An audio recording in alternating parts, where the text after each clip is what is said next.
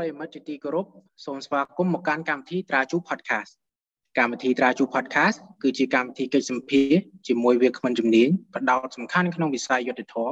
សំដៅដល់ការចែកចាយព័ត៌មានច្បាប់ឲ្យបានទូលំទូលាយជូនសាធារណជន គ្រប់ស្រទាប់វណ្ណៈជាមួយនឹងខ្លឹមសារខ្លីខ្លឹមនិងមានប្រយោជន៍ខ្ញុំបាទរស់សាយយមភូជាអ្នកសម្របសម្រួលកម្មវិធីនៅក្នុងថ្ងៃនេះ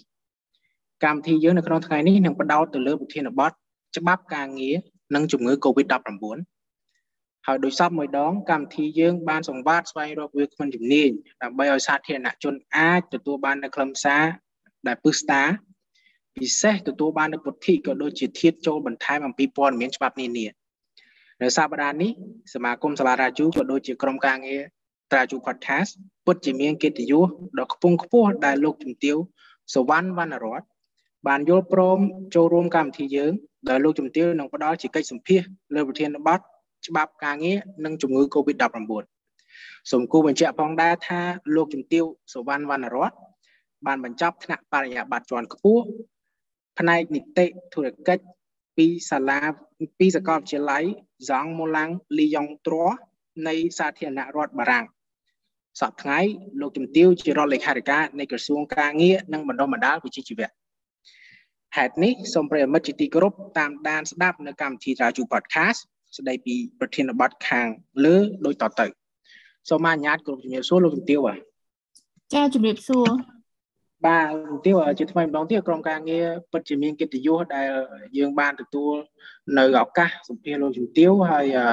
ដើម្បីកុំឲ្យខាតពេលវេលាយូរខ្ញុំបាទសូមចូលទៅកាន់សំណួរទី1តែម្ដងអឺមែនតើទៅ លោកជំទាវក៏យើងទាំងអស់គ្នាបានដឹងហើយថាបញ្ហា COVID-19 បានប៉ះពាល់គ្រប់វិស័យមិនថានៅក្នុងប្រទេសកម្ពុជាប៉ុន្តែជុំវិញសកលលោកជាមួយគ្នានឹងប្រធានបទរបស់យើងតេតិននឹងច្បាប់ការងារនេះ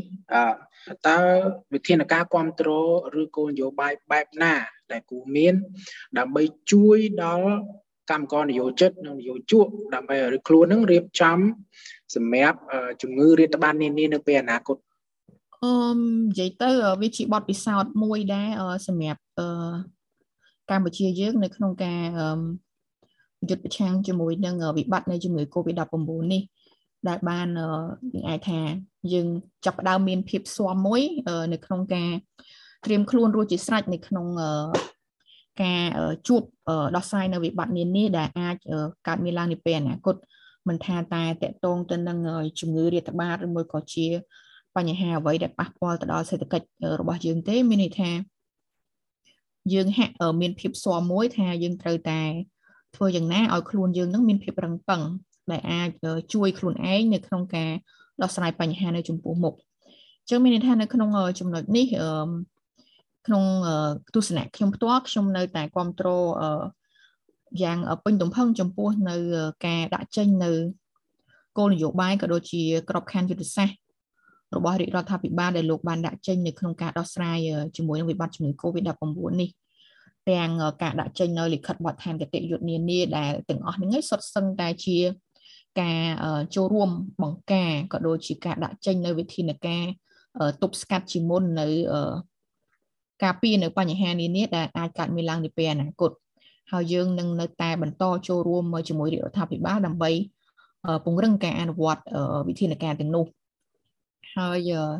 ចំណុចសំខាន់ទៀតសោតហ្នឹងថាតើយើងត្រូវជួយកម្មករយោចិត្តនិងយោជក់ហ្នឹងបែបណាខ្លះដើម្បីត្រៀមខ្លួនក្នុងករណីមានវិបត្តិផ្សេងផ្សេងទៀតនាពេលអនាគតអញ្ចឹងជាក់ស្ដែងតាមអ្វីដែលខ្ញុំបានបញ្ជាក់នៅក្នុងសំណួរមុននេះបន្តិចហ្នឹងចម្លើយនៅក្នុងចំពោះសំណួរមុននេះបន្តិចហ្នឹងគឺមានន័យថាអឺទំនាក់ទំនងវិជ្ជាជីវៈវាគឺជាចំណុចសំខាន់មួយដែលកម្មករយោចិត្តនិងយោជក់ហ្នឹងចាំបាច់ត្រូវតែរួមគ្នា ធ្វើយ៉ាងណាឲ្យទាំងកម្មករយោជិតនិងយោជកនឹងយល់ពីគ្នាទៅវិញទៅមកអំពីមូលហេតុក៏ដូចជាបញ្ហាប្រឈមរៀងៗខ្លួនដែលខ្លួនបានជួបប្រទះហើយចំណុចនេះគឺជាចំណុចអ្វីដែលរាជរដ្ឋាភិបាលបានអឺនឹងកំពុងអនុវត្តរួចផងដែរមានន័យថាយើងនឹងធ្វើការបដិបដាលអំពីជំនាញផ្នែកទំនាក់ទំនងវិជ្ជាជីវៈនឹងជូនទៅដល់តំណាងកម្មករយោជិតក៏ដូចជាតំណាងរបស់នយោជកដែលជា បុគ្គលិកផ្នែក HR នឹងឲ្យគាត់បានយល់អំពីចំណុចសំខាន់នៃទំនាក់ទំនងវិជ្ជាជីវៈនៅក្នុងការដោះស្រាយនៅបញ្ហានានានាពេលអនាគតហើយដោយឡែកអ្វីដែលខ្ញុំគិតថាវាជាមេរៀនដ៏ល្អសម្រាប់យើងនៅក្នុងការត្រៀមខ្លួនទៅក្នុងថ្ងៃអនាគតនោះគឺវាមិនមានអ្វីច្រើនទេ គឺពីព្រោះថាសុទ្ធតែជាចំណុចសំខាន់ដែលបានកំណត់នៅក្នុង ក្របខ័ណ្ឌយុទ្ធសាស្ត្រនិងកម្មវិធីស្ដារនិងជំរុញកំណើនសេដ្ឋកិច្ចកម្ពុជានៅក្នុងការរស់នៅជាមួយជំងឺ Covid-19 តាមគន្លងប្រកបដោយភាពថ្មីដែលរាជរដ្ឋាភិបាលបានដាក់ចេញសម្រាប់ឆ្នាំ2021និង2023រួចមកហើយហើយបើទោះបីជាផុតឆ្នាំ2023ទៅខ្ញុំគិតថាចំណុចទាំងអស់នេះវានៅតែជាយើងហៅថាភាពខ្លាំងរបស់កម្ពុជា នៅក្នុងការជួយមិនត្រឹមតែកម្មករយោជិតនិងយោជកទេ ក៏ប៉ុន្តែវាអាចជួយដល់សេដ្ឋកិច្ចយើងទាំងមូលផងដែរអញ្ចឹងគឺវាផ្ដោតសំខាន់ទី1នោះគឺតកតងទៅនឹងការកសាងមូលដ្ឋានសេដ្ឋកិច្ចនៅក្នុងស្រុករបស់យើងទេហើយយើងធ្វើយ៉ាងណាត្រូវតែជំរុញអឺនៅការធ្វើពិពិធកម្មមូលដ្ឋានកំណើនសេដ្ឋកិច្ចហ្នឹងឲ្យបានលឿនបំផុតតែយើងនិយាយទៅវាវាអាចថាមានជាបច្ចេកទេសបន្តិច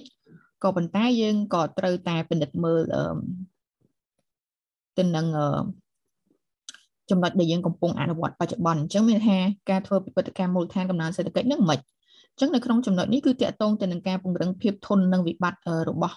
កម្ពុជាយើងផ្ទាល់តែម្ដងថាតើយើងត្រូវចាប់ផ្ដើមធ្វើការផ្លាស់ប្ដូរពីឧស្សាហកម្ម common sale អឺដែលយើងផ្ដោតតែលើវិស័យកាត់ដេរហ្នឹងគួរតែយើងចាប់ផ្ដើមធ្វើការងារសិក្សាក៏ដូចជាប្រែខ្លួន ដើម្បីចាប់យកនៅឧស្សាហកម្មធុនធ្ងន់ផ្សេងផ្សេងទៀតដែលយើងអាចនិយាយបានថាវាមានទាំងឧស្សាហកម្មផ្នែកគ្រឿងបង្គុំអេឡិចត្រូនិកគ្រឿងអគ្គិសនីគ្រឿងបង្គុំយានយន្តដែលវាអាចមានតម្លៃបន្ថែមខ្ពស់សម្រាប់សេដ្ឋកិច្ចកម្ពុជាយើងហើយនឹងអាចផ្ដល់ចំណូលច្រើនជូនទៅដល់កម្មករយុវជនយើងផងដែរ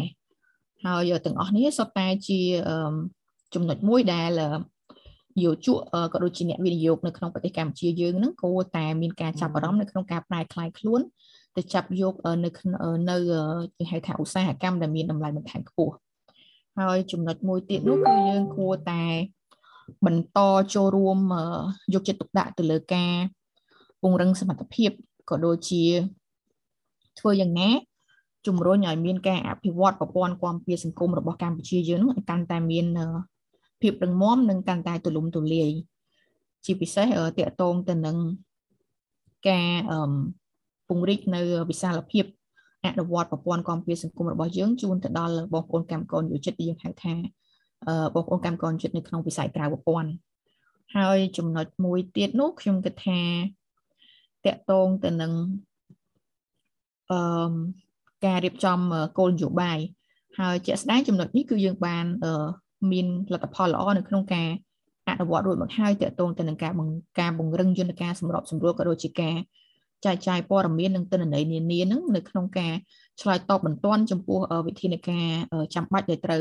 អនុវត្តហើយចំណុចដែលខ្ញុំចង់បញ្ជាក់មួយទៀតហើយវាក៏ជាចំណុចសំខាន់ដែរហ្នឹងគឺតកតងទៅនឹងការជំរុញការចុះបញ្ជីរបស់សកម្មភាពសេដ្ឋកិច្ចក្រៅប្រព័ន្ធដែលខ្ញុំគិតថាចំណុចនេះ វាគឺជាចំណុចមួយដែលយើងបានដាក់ចេញនៅក្នុងផែនការអភិវឌ្ឍវិស័យឧស្សាហកម្មយើងឆ្នាំ2015 2025រួចមកហើយក៏ប៉ុន្តែអឺដោយសារវិបត្តិនៃជំងឺ Covid-19 នេះគឺយើងឃើញថាចំណុចនេះវាកាន់តែបង្ហាញនៅសក្តានុពលសម្រាប់ឲ្យកម្ពុជាយើងយកចិត្តទុកដាក់នៅក្នុងការបញ្ចូលសេដ្ឋកិច្ចក្រៅប្រព័ន្ធហ្នឹងមកមកជាសេដ្ឋកិច្ចក្នុងប្រព័ន្ធធ្វើយ៉ាងណាឲ្យបងប្អូនកម្មករយុចិត្តរបស់យើងហ្នឹង អាចទទួលបានការគាំពៀពីរបបសន្តិសុខសង្គមក៏ដូចជាទទួលបានការការពារតាមច្បាប់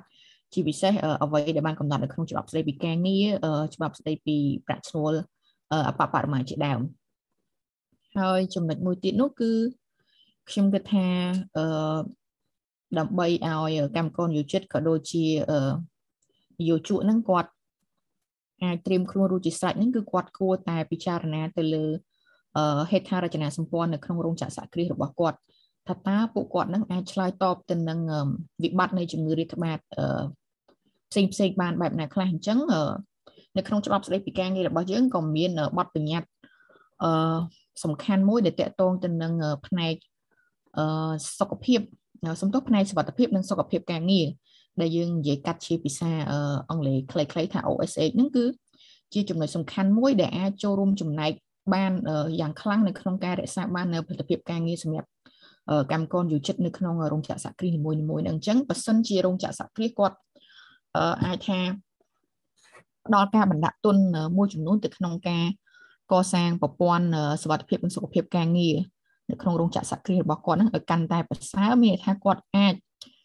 ត្រៀមខ្លួនយកជ័យជំនះទៅលើការរាតត្បាតនៃជំងឺនានានៅក្នុងពេលអនាគតបានអញ្ចឹង ដោយអ្វីដែលបានបញ្ជាក់នៅក្នុងប្រកាសអឺស្ដីពីការដាក់ឲ្យប្រើគោលការណ៍ប្រតិបត្តិស្តង់ដារស្ដីពីដំណើរការនៃការគ្រប់គ្រងរោងចក្រសហគ្រាសតាមកន្លងប្រក្តីភាពថ្មីហ្នឹងមានន័យថាគាត់ចាំបាច់ត្រូវតែមានប្រព័ន្ធសុខភាពនិងសុខភាពការងារមួយដ៏រឹងមាំហើយត្រូវមានបុគ្គលដែលមានជំនាញនៅក្នុងការទទួលបន្ទុកត្រួតពិនិត្យនៅប្រព័ន្ធនេះជាជាប្រចាំនឹងរាយការណ៍មកក្រសួងការងារនិងមរំដោជីជីវៈហ្នឹង ធ្វើយ៉ាងណាដើម្បីចូលរួមរក្សាបាននៅសុខុមាលភាពជូនកម្មករយុជិតរបស់ខ្លួននៅក្នុងករណីមានការឆ្លងរីករាលដាលនៃជំងឺផ្សេងផ្សេងអញ្ចឹងខ្ញុំគិតថាចំណុចនេះវាជាចំណុចរួមផ្សំក៏ដូចជាការកត្តាសំខាន់សំខាន់ដែលរោងចក្រសហគ្រាសក៏ដូចជាកម្មករយុជិតហ្នឹងគាត់ត្រូវតែបន្តយកចិត្តទុកដាក់អនុវត្តឲ្យបានខ្ជាប់ខ្ជួនដើម្បីត្រៀមខ្លួនទទួលបានជោគជ័យនៅក្នុងការដោះស្រាយជាមួយនឹងវិបត្តិនានានៅពេលអនាគត ហើយចំណុចសំខាន់ចំណុចសំខាន់បន្ថែមមួយទៀតដែលខ្ញុំគិតថា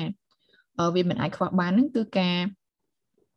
ចូលរួមបង្កើននៅសមត្ថភាពផ្ទាល់ខ្លួនរបស់រោងចក្រសហគ្រាសមានថាគាត់ត្រូវតែចាប់ផ្ដើមចាប់យកនៅការបដិបដាលបន្ថែមតាមរយៈការវឹកវើនកូនជាងក៏ដូចជាតាមរយៈការចាប់យកនៅការ on job training ផ្សេងផ្សេងដែលខ្ញុំគិតថាត្រូវធ្វើយ៉ាងណាឲ្យ ទាំងកម្មករយោជិតទាំងយោជកហ្នឹងគាត់អាចបង្កើននៅផលិតភាពការងាររបស់គាត់បានអឺឲ្យមានសក្តានុពលកាន់តែខ្លាំងឡើងហ្នឹងបន្ទាប់ពីការស្ដារសេដ្ឋកិច្ចរបស់កម្ពុជាយើង